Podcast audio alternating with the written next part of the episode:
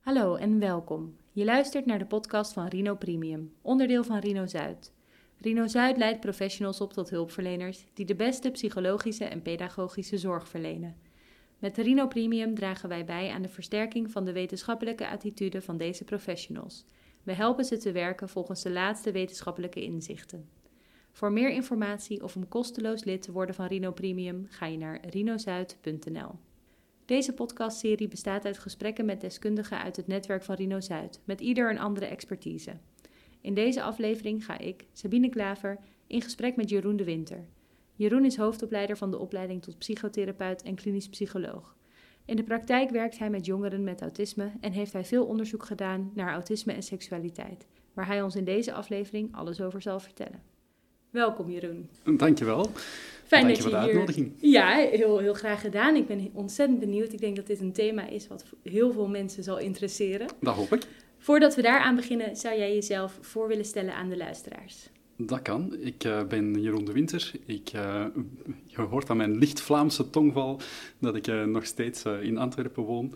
Ik ben als klinisch psycholoog verbonden aan GGZ Eindhoven, waar ik werk met, of binnen het polyklinisch team voor jongvolwassenen en binnen de dagbehandeling voor jongeren met autisme.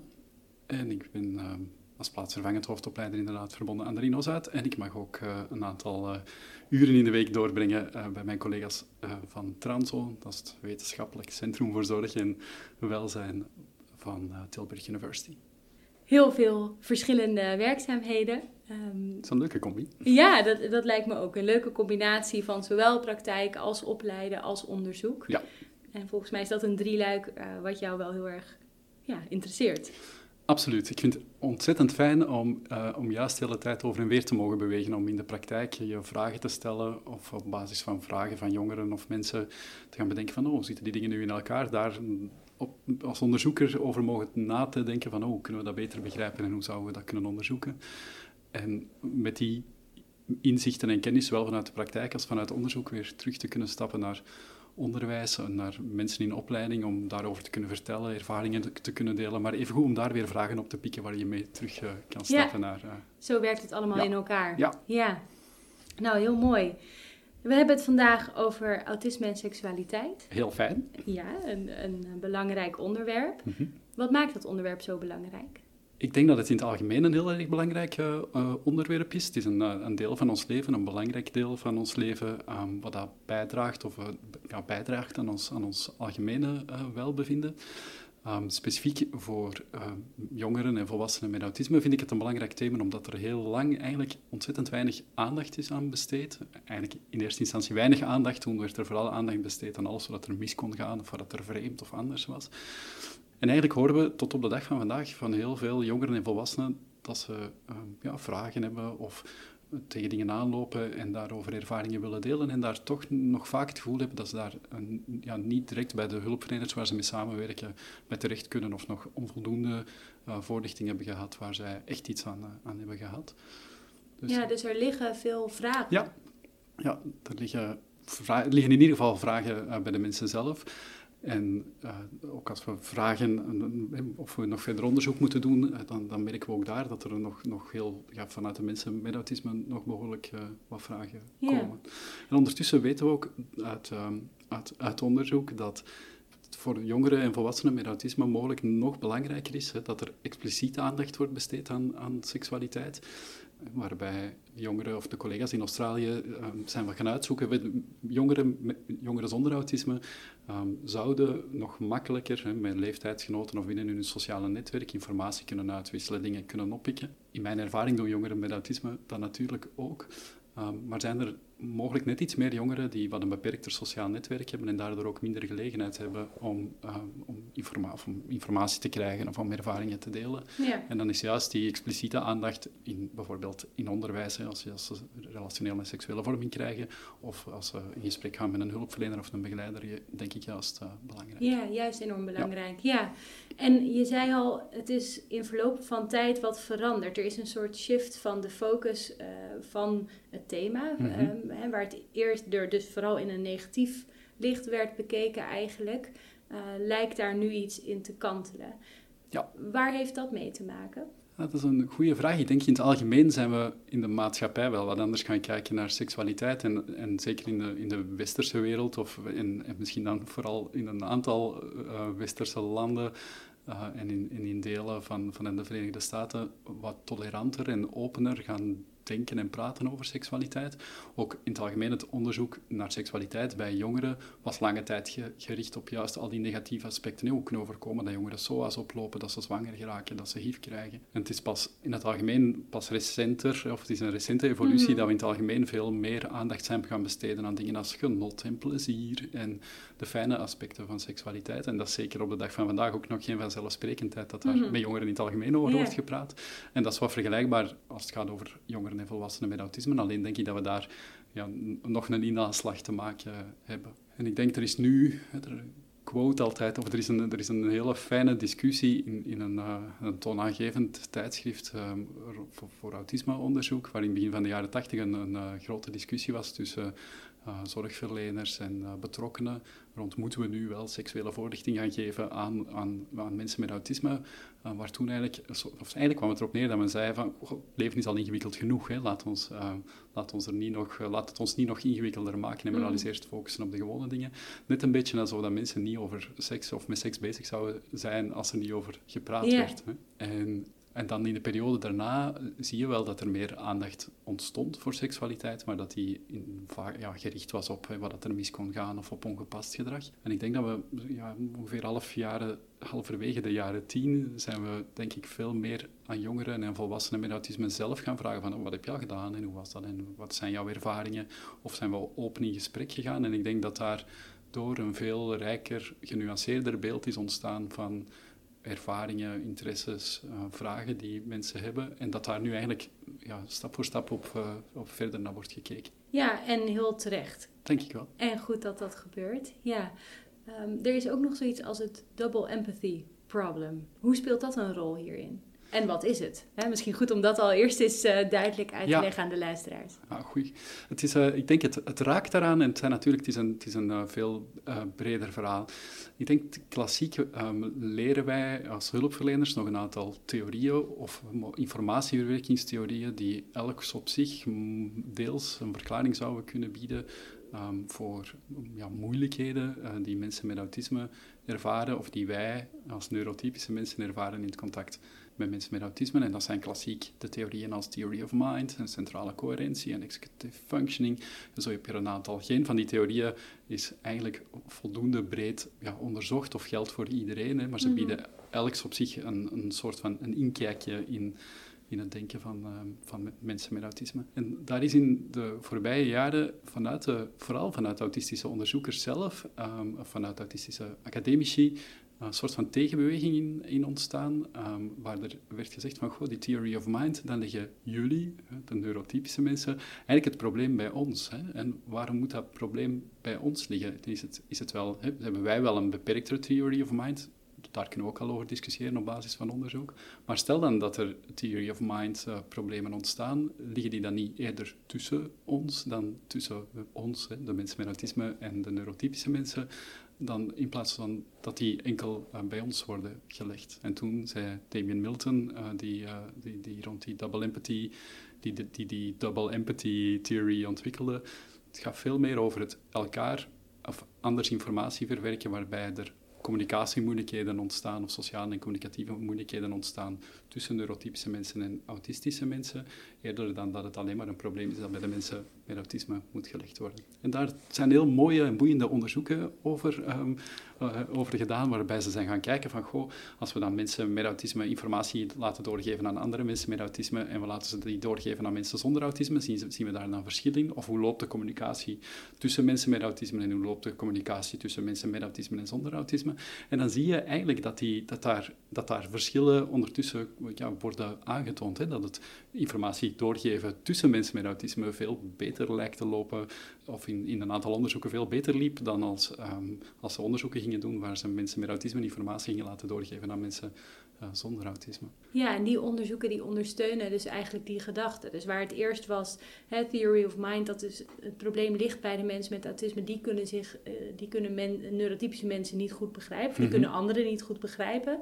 En double empathy laat eigenlijk zien, nee, het is uh, neurotypische mensen vinden het net zo moeilijk om mensen met autisme te begrijpen als andersom. Ja.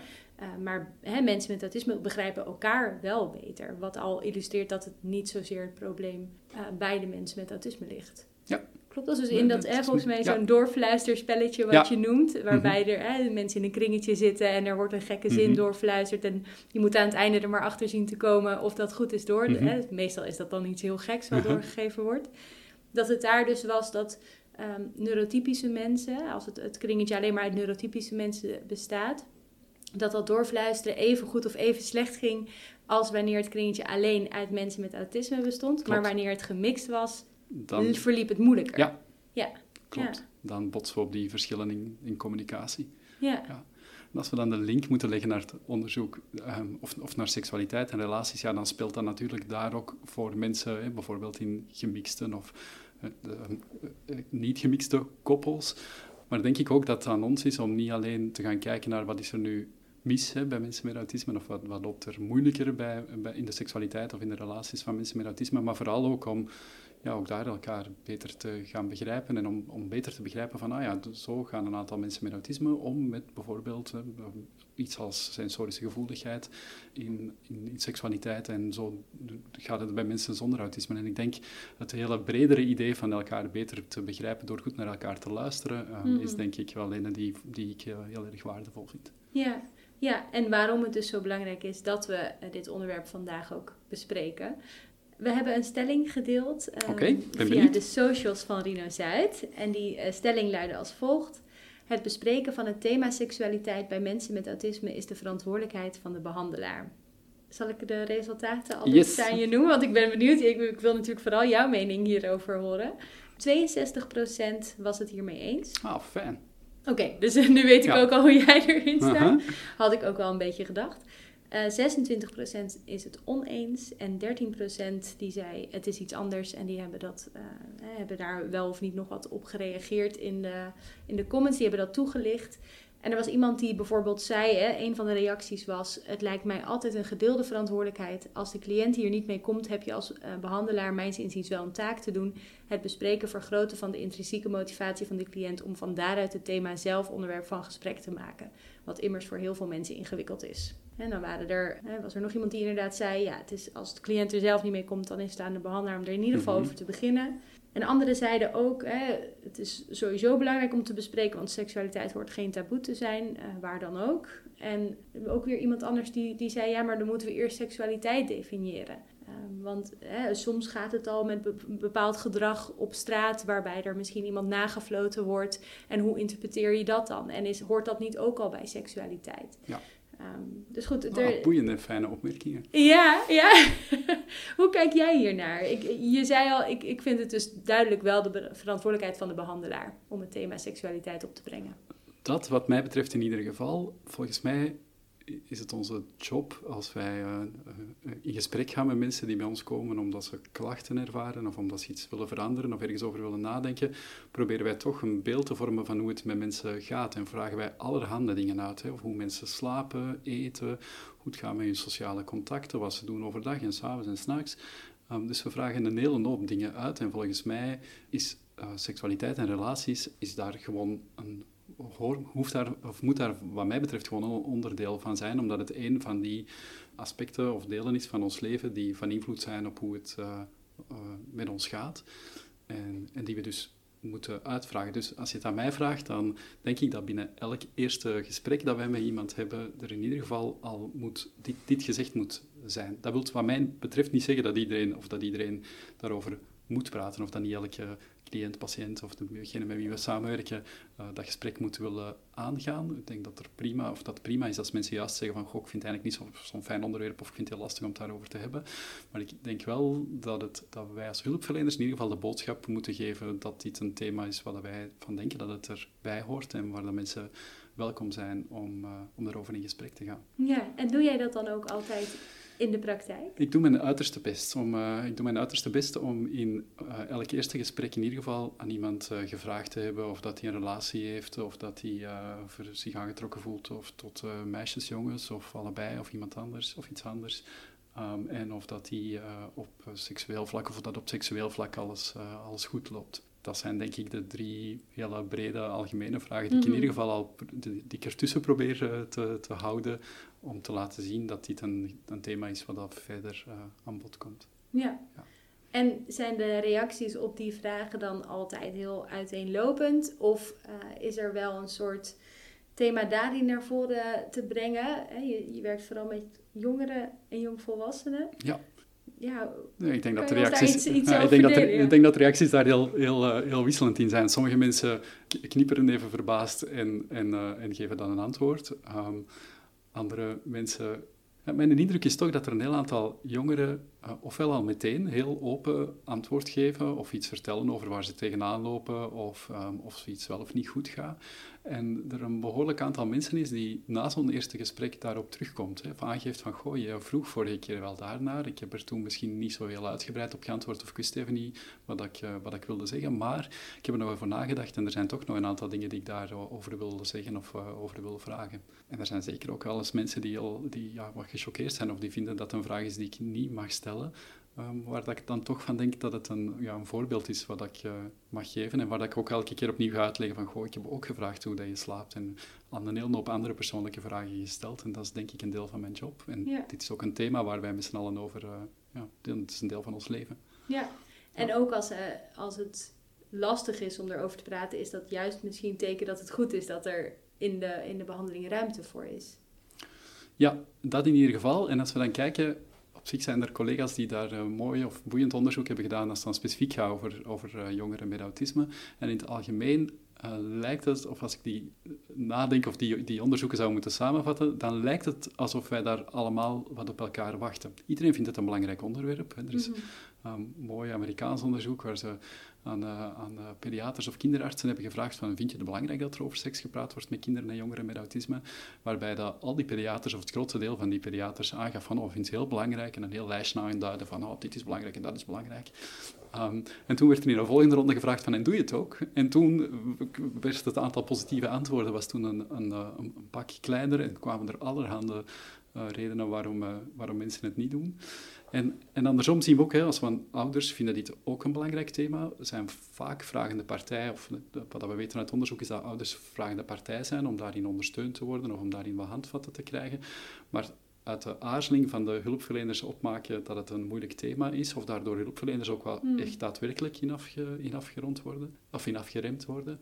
Dus ja, iedereen vindt het belangrijk, maar toch lijkt iedereen wat te wachten. Wat dat ertoe leidt, hè, dat er vaak pas op, of over seksualiteit in gesprek wordt gegaan op het moment dat er, dat er een probleem is of dat mensen ongepast of grensoverschrijdend gedrag hebben gesteld. En dat is, denk ik, ontzettend spijtig. Hè? Denk juist dat het belangrijk is om op voorhand uh, dingen, over dingen in gesprek te gaan. Ja. En dan zeker met mensen met autisme, hè, waar we heel vaak of met z'n allen opgeleid zijn uh, met het idee dat je duidelijk moet zijn en dingen concreet moet benoemen en heel veel dingen uitleggen, soms veel te veel en, en, en denk ik ook wel eens in, tot in een treuren toe maar juist toch vanuit onze eigen, denk ik, onzekerheid of de twijfel of onze bezorgdheid dat we over de grens zouden kunnen gaan van degene waar we mee in gesprek gaan, toch een mhm. soort van aarzelend worden en eigenlijk daardoor daarin um, mensen wat tekort doen, denk ik soms wel eens. Of daar, daardoor juist wat te weinig aandacht besteden. Waar die double empathy toch weer ook een beetje om de hoek komt te kijken. Vanuit een angst misschien de ander niet goed te begrijpen of niet goed en, en daarin terughoudend zijn. En dus zo'n thema misschien onnodig uit de weg gaan.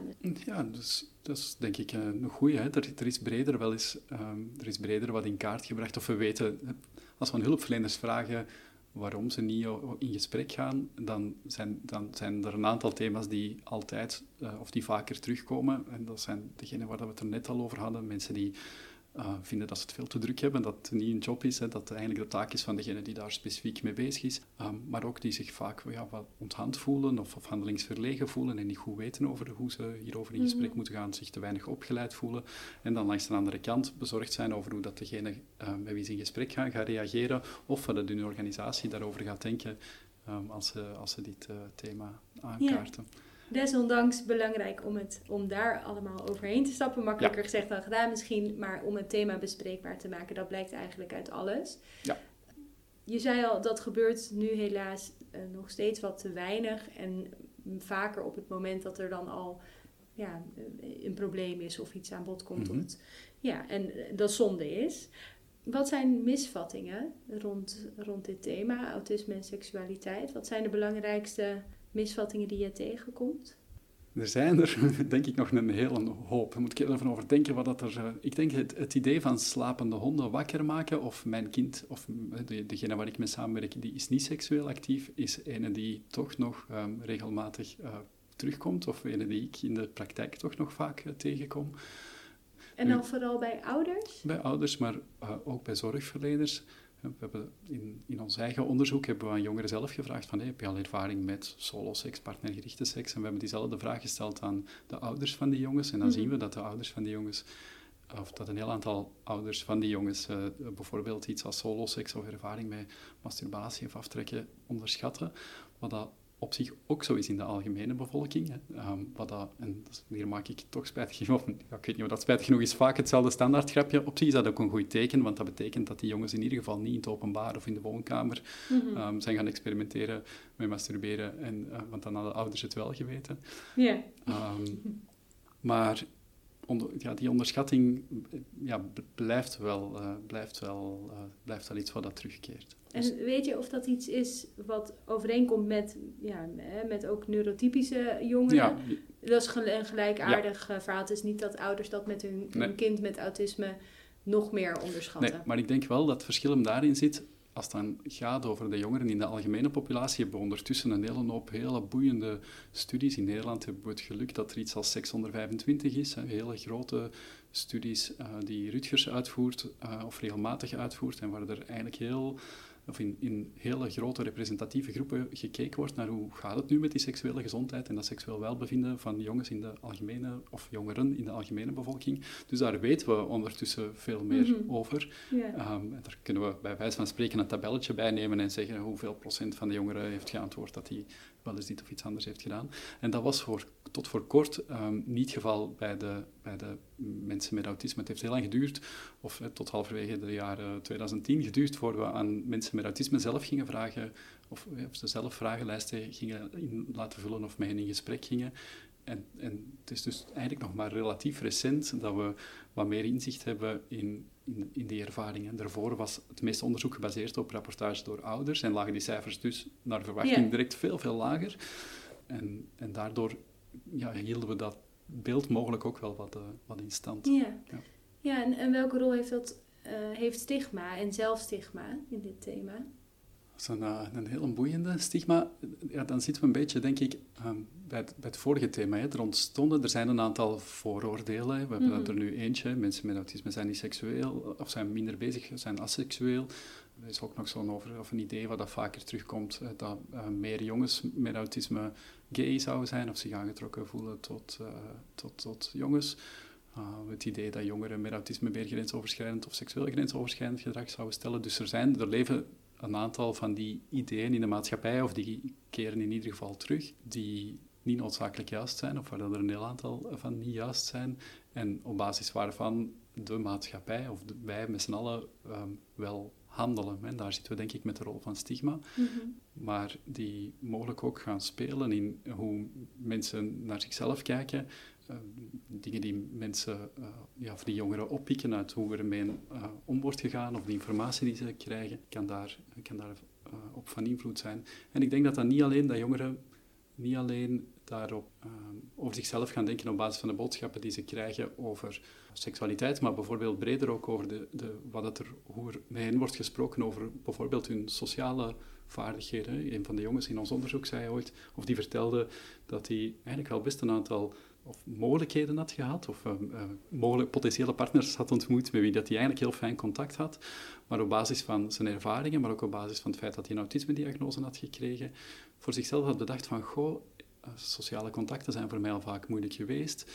Vanuit mijn autisme gedacht, gaat dat misschien wel zo blijven, dus misschien moet ik maar geen uh, relatie aangaan, want dat is nog ingewikkelder en dan wordt er nog veel meer van mij verwacht. En dat gaat mij waarschijnlijk helemaal niet lukken. En dat was voor hem wel een van de redenen geweest om, oh ja, om, om, daar, om daar voor zichzelf wat bang en afwachtender uh, in te zijn dan misschien ja, dan nodig, was geweest. Nodig was geweest. Ja, ja. ja. ja dus die, jullie zien wel dat die zelfstigma daarin ook echt een rol kan spelen. En dan vooral ook met betrekking tot relaties en die aangaan. Ja, en ik denk, ik denk dat we het vooral moeten, moeten omdraaien. Dat iedereen is erbij gebaat om ja, goede voorlichting te krijgen, een goede relationele en seksuele vorming te krijgen en ook mensen met autisme. En ik denk als we die vorming nog meer kunnen toepassen op hun informatiebewerkingsstijl, maar ook nog iets kunnen vertellen over de diversiteit die we ondertussen kennen, eh, als het gaat over seksualiteit en genderidentiteit en seksuele ervaringen, als we die al veel vroeger ook bespreekbaar kunnen maken, hoeven jongeren, of denk ik kunnen we een heel aantal jongeren ook wel helpen om ja, een soort van om hun eigen ervaringen te begrijpen en zich niet nog meer anders te gaan voelen of um, vreemd te voelen of, of ja, afwijkend. En ik uh, ben uh, quotes hier aan het, uh, volop aan het quoten met mijn vingers. Ja, om, om dat te vermijden. Ik denk als we uitleggen van, goh ja, er zijn meer jongeren die zich ook aangetrokken voelen tot iemand van hetzelfde geslacht. En daar is wat ons betreft helemaal ja, niks gek aan. Hè. Dat, dat, dat lijkt zo te zijn. Dan hoop ik um, maken we de drempel alweer wat lager voor die jongeren die die ervaring dan ook hebben, of die daar voor zichzelf wel eens over getwijfeld hebben, om dat gewoon te, voelen, te vinden of om daar met iemand over in gesprek te gaan, eerder dan daar voor zichzelf mee te blijven zitten en, en, en daar... Uh, ja, het gaat heel erg om het normaliseren ook, hè? Ja, want dat hokjesdenken, wat, wat ja, we toch wel doen um, in de maatschappij met betrekking tot seksualiteit. Hè. Je bent, uh, en gender ook. Uh, of uh, je bent of vrouw of man. Je bent of heteroseksueel of homoseksueel of biseksueel. Maar we, we willen daar heel veel duidelijkheid en ja, rechtlijnigheid over. Terwijl ja, mijn vraag is of dat überhaupt wel zo passend is. Maar welke rol speelt dat hokjesdenken voor mensen met autisme met betrekking tot seksualiteit? Ja, en genderidentiteit misschien ook dan direct? Op basis van onderzoek kan ik hier eigenlijk nog maar heel weinig over vertellen. Er is, er is één groep van onderzoekers die met mensen in gesprek is gegaan over hun um, LGBT zijn en hun autisme en hoe ze dat ervaren hebben. En daar de, de, de mensen die aan die studie hebben deelgenomen vertelden heel mooi of helder, denk ik, dat zij dat, zij het gevoel hadden dat een, aantal, dat, dat een aantal mensen in ieder geval in die studie hadden voor zichzelf het gevoel dat ze wat meer tijd nodig hadden gehad om te ontdekken wie ze waren en uh, wat tijd hadden nodig gehad om hun identiteit, of al die verschillende identiteiten, ik ben man, vrouw, misschien ben ik uh, gay of ben ik, uh, voel ik mij toch niet helemaal zo mannelijk als, als de maatschappij, als, zoals dat in de maatschappij lijkt te horen te zijn. Ik ben autistisch, hè. je krijgt een heel hoop lagen in identiteit en daar beschrijven mensen ons wel dat dat hun tijd kost. Mensen beschrijven ook dat, ze, dat ze het wel eens lastig vinden dat dat wordt gekoppeld aan hun autisme. Je bent, um, of ik voel mij gay, ja, dat heeft misschien te maken, dat, dat is misschien door jouw autisme, wat dat, ja, daar, daar is geen enkele reden om dat te denken. Mhm. Maar dat autistisch zijn of die autistische informatiebewerking kan ook wel van invloed zijn, of kan van invloed zijn, of kan ook voor sommige mensen een rol spelen in ja, de tijd die ze nodig had om bijvoorbeeld te, voor zichzelf helder te krijgen van, oh ja, tot wie voel ik mij aangetrokken en welk label vind ik dat er bij mij past en moet ik eerst die ervaring eens op hebben gedaan voordat ik zeker weet of ik dan gay ben, ja of nee. Dat, dat, daar kunnen een aantal aspecten die met autisme te maken hebben wel van invloed eh, zijn op, op uh, jezelf in een hokje plaatsen. En als het dan gaat over die hokjes, daar weet ik het eigenlijk echt niet goed mee. Ik zie, er zijn een aantal jongeren of mensen die ik ken die helemaal niet van de hokjes zijn. Een aantal mensen die uiteindelijk die zichzelf zijn en zichzelf noemen en eigenlijk helemaal niet zo bezig zijn met wat de rest daarvan gaat denken en uh, uit de kast stappen of ja, een soort van uit de kast springen. Um, en andere mensen die, die ik ken, die, die ja, voor zichzelf juist heel erg gaan zoeken van, goh, is het nu dit hokje of toch nog net dat andere hokje? Of een aantal hokjes of, uh, lijken te gaan aanpassen om eens te gaan kijken van past mij dit nu of is het mhm. toch een, een ander. Dus ik heb de neiging om daar, dat heb ik in het algemeen, om daar niet een soort van lijn in het te trekken en te zeggen van dit is de autistische seksualiteit of zo gaat het bij mensen met autisme. Ja, dat maar bestaat ook, nee, ook niet waarschijnlijk. Ik denk dat, het, dat we uit van iedereen is uniek en individueel. Mm En ook als het gaat over seksualiteit en je genderidentiteit doet iedereen het op zijn eigen um, manier. Maar we zien een aantal lijnen of een aantal factoren die met autisme te maken hebben of met autistische informatiewerking te maken hebben die ja, voor sommige mensen wel een rol speelt. Ja. ja, maar je zei al, daar is eigenlijk nog niet echt een duidelijk onderzoek naar. er is wel, er wordt steeds meer onderzoek gedaan en ook naar een soort ja, positieve seksualiteit, uh, zal ik het maar noemen. Mhm. Dus niet zozeer gericht, hè, wat je eerst vertelde, van uh, op al, alle, alle zorgen die we hebben ja. en alle, alle moeilijkheden en problemen. Maar ook van uh, ja, welke, welke genderidentiteit, hoe voel je je aangetrokken? Nou, allerlei verschillende soorten vragen. wat zijn de belangrijkste resultaten uit het onderzoek naar autisme en seksualiteit? Dat is een uitdaging om die uh, snel en kort en bondig samen te vatten. Ik denk dat in, als het gaat over die, die, de, de seksuele ontwikkeling, um, daar zien we in ieder geval dat er een, een uh, behoorlijk grote groep is die op vergelijkbare leeftijd als jongeren zonder autisme ervaring opdoet met zichzelf, met anderen en dat op een fijne manier doet. Er lijkt een, of een, groepje, en dat lijken vooral de wat jongere hetero mannen te zijn die ja, daar is een groepje dat wat trager lijkt, die pas op latere leeftijd ervaring opdoet. En daar zijn een, aantal, een heel aantal mensen bij die dat prima vinden en die daar helemaal oké mee zijn. Maar ook daar kom ik in de praktijk in ieder geval wel eens mensen tegen die dat ook lastig vinden, dat ze nog geen partner hebben of nog geen ervaring hebben en zich daardoor wel wat anders voelen. Dus ik denk, in het algemeen komt daar vooral uit van, nou, laten we er maar van uitgaan dat die seksuele ontwikkeling in het algemeen uh, redelijk gelijk loopt. Mm -hmm. um, als het gaat over volwassenen, dan zien we daar, hè, we hadden het net al even over die diversiteit. We zien in ieder geval dat er meer seksuele diversiteit of wat meer mensen zijn. En dan vooral vrouwen die aangeven dat ze zich niet alleen aangetrokken voelen tot iemand van het andere geslacht. Dat zien we ook bij mannen, maar in verhouding nog meer bij vrouwen. We zien ook bij dan met name de vrouwen met autisme dat daar een daar lijkt ook wel een grotere groep te zijn die zich identificeert als asexueel. Dat wil niet zeggen dat ze helemaal geen, niet bezig zijn met seksualiteit, maar Mhm. uh, bijvoorbeeld meer nood voelen aan een, in, een romantisch contact of een intiem romantisch contact eerder dan dat ze een, een hoge nood voelen um, of, of, openstaan of interesse hebben in, in dat seksuele contact. Um, en dan als het gaat over genderidentiteit, ja, daar is de voorbije jaren ontzettend of veel meer onderzoek naar gedaan. En in verhouding is er eigenlijk, en dat is opvallend, is er nog veel minder onderzoek ge gedaan naar die seksuele diversiteit en veel, in verhouding veel meer onderzoek gedaan naar, naar uh, genderdiversiteit en naar genderdysforie. Waar komt dat door? Ja, dat is een goeie. Ik denk dat daar een wat dat daarmee zou kunnen spelen, maar opnieuw, dat kan ik niet hard maken, is dat daar een, een meer medische component aan vasthangt. Al de genderdysforie uh, of de behandelingen van genderdysforie mm. veel meer ook vanuit de medische sector gebeuren en, en daar allerhande ja, interventies gebeuren die waarschijnlijk onderzoek of mogelijk onderzoek daarnaar hebben gestimuleerd. Ja. En dat dat nog minder is um, als het dan gaat over seksuele of over aantrekking en oriëntatie. En wat, is het, wat zijn de belangrijkste resultaten met betrekking tot die genderdiversiteit? Als het dan gaat over diversiteit, hè, als we aan mensen met autisme vragen, hoe ben je geboren of welk gender werd er jou toegewezen bij geboorte, man, vrouw, dan zien we dat er ook daar net iets meer mensen zijn met autisme en dan ook weer net iets meer, vooral vrouwen, die zeggen van, goh, ik voel mij niet helemaal vrouw. Ik voel mij bijvoorbeeld ook een, een stukje wat, wat mannelijk en, en, deels ook vrouwelijk. Mm -hmm. Dat zien we ook in de, in de algemene bevolking. Daar is niks mis mee. Als je mij zou vragen, voel jij je een soort van prototypisch man, dan zal ik waarschijnlijk... Nee, dan zeg ik ook nee. Ik, ik heb een heel aantal kenmerken die in deze cultuur en in deze maatschappij um, ook als vrouwelijk zou worden gezien. En ik zie mezelf niet als de, de, de, stereotype, de stereotype man. Maar dat betekent niet dat ik genderdysfoor ben of dat ik twijfel over mijn genderidentiteit, waar Ja. mij wat anders zijn. Dat, en dus dat zien we in ieder geval meer ook bij de mensen met autisme. En je, je zegt ook weer, meer dan, uh, ook weer meer bij vrouwen met autisme. Heeft dat dan ook te maken met die sociaal-maatschappelijke rol van uh, verwachtingen bij vrouwen? Of, daar, of zeg je nee, daar, daar, dat speelt dan niet echt een, heeft geen invloed? Goeie vraag. Volgens mij, daar weten we ook in het algemeen nog, daar, daar weten we het fijne niet van. Hmm. Um, en, en, het fijne is dan nog, uh, nog heel sterk uitgedrukt, daar weten we nog heel erg uh, weinig van. Er zijn een aantal theorieën die meer hebben gekeken naar naar uh, bijvoorbeeld vroege blootstelling aan testosteron. Of, maar eigenlijk zijn geen van die theorieën goed, goed, goed onderbouwd. En, en daar zouden een heel aantal ja, verschillende aspecten in kunnen meespelen. Ja, dat blijft ja. dus een beetje filosoferen ja. eigenlijk ja. daarover. Ja. ja, daar kunnen we nog niet veel over zeggen. Nee.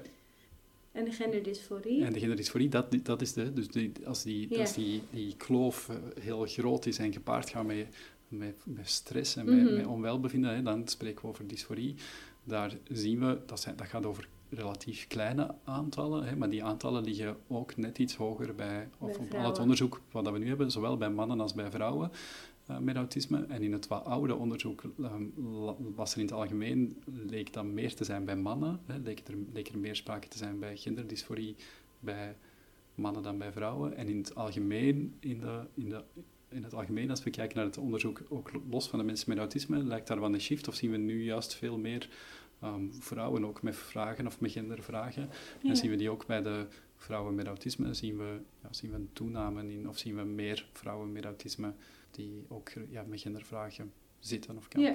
Ja. ja. en je zegt daar is eigenlijk nog meer onderzoek naar dan naar seksualiteit bij mensen met autisme. Ja, maar nog altijd heel erg weinig, want ook daar zijn we, of zijn de, de specialistische teams, hè, zijn, hebben daar ondertussen, of hebben in, in Nederland heeft daar, het loopt daarin voorop, of er zijn uh, verschillende specialistische centra. In de laatste jaren zijn er nog heel veel andere uh, kleinere uh, teams bijgekomen die rond gender, um, dysforie en, en genderidentiteit werken maar in het algemeen ja, zijn we, we zijn in Nederland en in België of in Vlaanderen ook nog wel wat zoekende hoe we daar ook binnen de bredere hulpverlening ja, wat, wat meer aandacht rond kunnen hebben en mm daarover in gesprek kunnen gaan en daarover in kunnen, of hoe, hoe hulpverleners en collega's kunnen meedenken met mensen eerder dan dat we ze allemaal ja, doorsturen naar die, naar die hoogspecialistische teams. Ja. En je zei al, uh, zelfrapportage wordt uh, steeds meer betrokken in onderzoek naar uh, seksualiteit bij mensen met autisme. Mm ook ontzettend belangrijk, want daar bestaat dus duidelijk ook een verschil in. Hè, waar de rapportage eerder misschien bijvoorbeeld bij ouders of, of hulpverleners lag, wordt er nu zelf uh, vanuit mensen met autisme, wordt dat meer betrokken in onderzoek. Ehm, wat, wat wordt daarin aangegeven dat nodig is? Dat, dat ook naar de toekomst toe in onderzoek, want hè, er is dus steeds meer, maar nog lang niet genoeg volgens mij, hoor ik je zeggen. wat is de vraag daarnaar? Er zijn heel, uh, heel veel verschillende vragen. ik, ik, denk dat die onderzoeken of het in gesprek gaan met de jongeren en volwassenen met autisme over hun seksualiteit en hun seksuele ontwikkeling ons in ieder geval heeft nog duidelijker heeft gemaakt dat er heel veel wegen zijn die naar Rome leiden of dat er mhm. heel veel diversiteit is onder ja, dat, mensen, dat er heel veel verschillende factoren een rol kunnen spelen in die seksuele ontwikkeling en dat er dus niet zoiets is als de autistische seksualiteit, maar ja, dat daar ja, veel variatie in zit. Hè. Sommige mensen vinden het moeilijk bijvoorbeeld om te herkennen wat er in hun lijf gebeurt en vinden het moeilijker, daardoor ook moeilijker om bijvoorbeeld iets als opwinding te, uh, te herkennen, terwijl andere mensen daar helemaal geen last van hebben. Sommige mensen vinden het moeilijk om sociaal contact te leggen, terwijl anderen dat heel vlot doen. Dus ik denk dat we daar niet een soort van iedereen over dezelfde lijn mogen trekken. We hebben de voorbije jaren ook nog wel aan een grote groep uh, mensen met autisme en, en onderzoekers en, en, andere betrokkenen de vraag gesteld van, goh, moeten we nu nog onderzoek doen naar seksualiteit? En, en, en zo ja, hè, waarover moet dat dan gaan? En daar komen uh, nog een hele, of een heleboel thema's naar voren. Um, we hebben die zelf opgedeeld in drie grote groepen. Eigenlijk komen de meeste, zijn de meeste vragen die er nog zijn, hebben te maken met onderzoek dat bij kan dragen tot. Hè. Dus er, is, er zijn, kwamen heel veel vragen naar wat kan er nu helpen om een partner te vinden, wat kan er helpen om het op seksueel vlak fijn te hebben, um, wat werkt er beter en wat werkt er minder goed. Hè. Dus vragen die eigenlijk rechtstreeks zouden, of waar dat de antwoorden zouden kunnen bijdragen tot meer welbevinden en meer, mm ja, meer, meer tevredenheid. En een tweede grote groep ging meer over een soort van weet- kennisvragen. Hè, van hoe zit dat dan? Hoe loopt die seksuele ontwikkeling? Hoe gaat dat dan bij mensen die zich identificeren als LGBT? Hoe, is die, hoe loopt die identiteitsvorming? Hoe is dat bij mensen met een verstandelijke beperking? Er kwamen er eigenlijk nog heel veel vragen waar onze indruk was dat mensen ook een soort van referentiekader zoeken voor hun eigen ervaringen, maar ook om bijvoorbeeld voorlichting om op, op af te stemmen. En een derde vraag ging veel, of een derde groep van vragen ging veel meer over waar dat we het er net over hadden, die maatschappelijke beeldvorming, die ideeën die er leven in de maatschappij over mensen met autisme en seks en relaties. Hoe zijn dat dan? Hoe kunnen die bijgestuurd worden? Um, en hoe kunnen, we, hoe kunnen mensen daar genuanceerder over gaan, uh, gaan denken? En dan is natuurlijk ook wel de vraag, wat is dus de invloed van die maatschappelijke rolpatronen en normen die er zijn? Uh, in ieder geval. ja. ja. ja. En daar is wat discussie over. Hè. Ehm, in die zin dat vanuit de, opnieuw vanuit de autistische gemeenschap, ik weet niet of ik het zo moet noemen, maar zijn een aantal um, academici en autism advocates en mensen die belangenbehartigers, die aangeven dat het, of in ieder geval aangeven dat het, het, idee dat mensen met autisme juist minder gevoelig zijn voor die maatschappelijke verwachtingen en dus veel makkelijker zichzelf kunnen zijn dan mensen zonder autisme, dat is een van de theorieën die in ieder geval vanuit de ehm, gemeenschap, als ik ze zo mag noemen, of mhm. vanuit mensen met autisme, meer naar voren wordt geschoven. En er is ook een, een, iets wat wel eens geopperd wordt, is dat mensen met autisme eigenlijk misschien wel of veel beter in staat zijn om niet werkende systemen te detecteren. Hè. Wat jij er juist al zei, moeten we wel in die hokjes blijven denken? Hè? Moeten we wel over mannen, of is het wel zo eenvoudig dat we mannen en vrouwen hebben en uh, mensen die gay zijn en hetero of straight zijn? Of, of, is het in het algemeen veel complexer en gevarieerder? Mm. En zijn de mensen met autisme door hun manier van denken misschien ons wel aan het duidelijk maken hè, dat die systemen en die categorieën eigenlijk niet zo werken en niet zo, niet zo juist zijn. Dus die kritische, vanuit de gemeenschap komen er kritische theorieën die eigenlijk breder een soort van onze manier van denken in vraag stellen, wat ik zelf ja, ontzettend uh, boeiend en, en, en inspirerend uh, vind. Um, omdat we toch gewoon zijn. We hebben een heel lange tijd, vooral vanuit ons eigen referentiekader, mm -hmm. gekeken en uh, mensen afgezet ten opzichte van groepsgemiddeldes uh, in, in, in, controlegroepen. Ja, um, dus het is ook wel een, een soort spiegel die wordt voorgehouden. Ja. ja. Ja. En dat is zo slecht nog niet. Ik, uh, het is in ieder geval boeiend. Ja. En het onder, er is ook onderzoek naar slachtofferschap, grensoverschrijdend gedrag, toch wat meer, ook ja, die, die, die wat donkere kant mm -hmm. daarvan. Wat, wat kan je daarover zeggen? Ja, het is goed dat daar onderzoek naar is en dat geeft spijtig genoeg niet zo'n fraai beeld. Opnieuw zien we daar um, in de onderzoeken die we hebben um, dat mensen met autisme en opnieuw vooral de vrouwen um, veel meer of vaak slachtoffer worden van grensoverschrijdend gedrag. En, en in, in, de vergelijkende onderzoeken die we hebben, ja, nog vaker dan mensen in de algemene bevolking. Hè. De cijfers in de algemene bevolking, de voorbije weken waren er nog een aantal studies in de, in de Vlaamse en in de Nederlandse media die ontzettend schrijnend zijn. En bij mensen, met autisme, of in ieder geval ook bij vrouwen met autisme, ligt dat dus eigenlijk nog hoger, is dat risico nog groter? Lijkt er een groot risico te zijn. En daar lijken wat verschillende mechanismen, of mechanismen een rol te spelen. Daar eh, geven een aantal mensen aan dat ze uh, daadwerkelijk meteen of slachtoffer werden van grensoverschrijdend gedrag, waarbij hen meteen duidelijk was dat ze iets niet wilden en er toch bewust door iemand anders over hun grens werd gegaan. Maar we zien ook mensen die eigenlijk niet voorbereid, of, of, eh, beschrijven dat ze eigenlijk niet zo heel goed voorbereid waren op de eerste keer of op een bepaalde situatie, daarin terechtkomen en dan nadien voor zichzelf merken dat er iets gebeurd is of iets, ja, iets gebeurd is wat dat ze eigenlijk helemaal niet prettig mhm. vonden en behoorlijk grensoverschrijdend hebben ervaren. En dat is opnieuw, denk ik, een pleidooi om mensen juist goed voor te bereiden uh, of, of juist goede relationele en seksuele vorming te geven en het daar niet alleen over um, anticonceptie te hebben en over allemaal biologische dingen, maar het ook te hebben over wat zijn dat dan grenzen? En hoe weet je dat voor jezelf? En hoe communiceer je daarover? Of hoe, hoe, hoe schat je, ja, wat kan er helpen om een situatie in te schatten. En daarmee wil ik slachtoffers op geen enkele manier verantwoordelijk maken, laat dat heel duidelijk zijn. Mhm. Maar ik denk hoe weerbaarder we, ja, dat we dat toch zoeken is, hoe dat we ja, iedereen in deze maatschappij sensitief en weerbaar kunnen maken ja, um, om respectvol met elkaar om te gaan. Die kennis daar, kan daar enorm aan, aan bijdragen. Want dat was eigenlijk mijn volgende vraag. Hè? Al, al deze onderzoeken en ook de resultaten daarvan. Ja, wat moeten we daarmee in de praktijk? Wat, wat gaan we daar uiteindelijk mee doen? En volgens mij geef je daar nu al antwoord op door te zeggen van ja, dat is juist, hè, gaat bijdragen aan, aan meer, meer kennis, meer zowel bij de mensen met, als, met autisme als bij hun, hun peers, bij hun, hun familie, bij hun behandelaren. Ja. Ehm, eigenlijk op alle vlakken. Ja, dat is wel wat ik blijf hopen en wat ik denk ik ook wel zie gebeuren. Door, door betere beeldvorming kunnen we denk ik iedereen ja, bewuster maken, um, meer um, informatie, kennis, tools geven om, om het gesprek aan te gaan en met, met, misschien ook wel met meer vertrouwen het gesprek aan te gaan. Mhm. als je weet dat die seksuele ontwikkeling dan een hele hoop jongeren ervaring hebben, is het net iets makkelijker om met iemand gesprek aan te gaan en te zeggen van, goh, uit, uit onderzoek of we weten dat uh, heel veel jongeren ervaring hebben met masturberen, hoe is dat bij jou? Of, of, vind jij het oké om daarin over in gesprek te gaan en wil je daar iets over vertellen? Maar bijvoorbeeld ook, uh, we weten dat spijtig genoeg een aantal mensen ook slachtoffer worden van grensoverschrijdend gedrag. Dat hoeft bij jou niet zo te zijn, maar ik wil wel zorgvuldig er even naar gepolst hebben. Heb jij wel eens iets meegemaakt wat je naar of lastig vond? En ja, vind je het oké om daar, daarover in gesprek te gaan? Dus ik denk dat die kennis ons kan, of ons, en dan bedoel ik hè, hulpverleners, opvoeders, leerkrachten, kan helpen. En ik denk ook dat die voor een aantal, voor, voor mensen met autisme die op zoek zijn naar informatie, ook wel wat een kader kan geven, of kan, ja, een kader kan geven om hun eigen ervaringen aan, uh, aan op te hangen of aan te toetsen, of om die daarmee te vergelijken. Ja, en Wat, wat is er dan nog nodig volgens jou rond dit thema?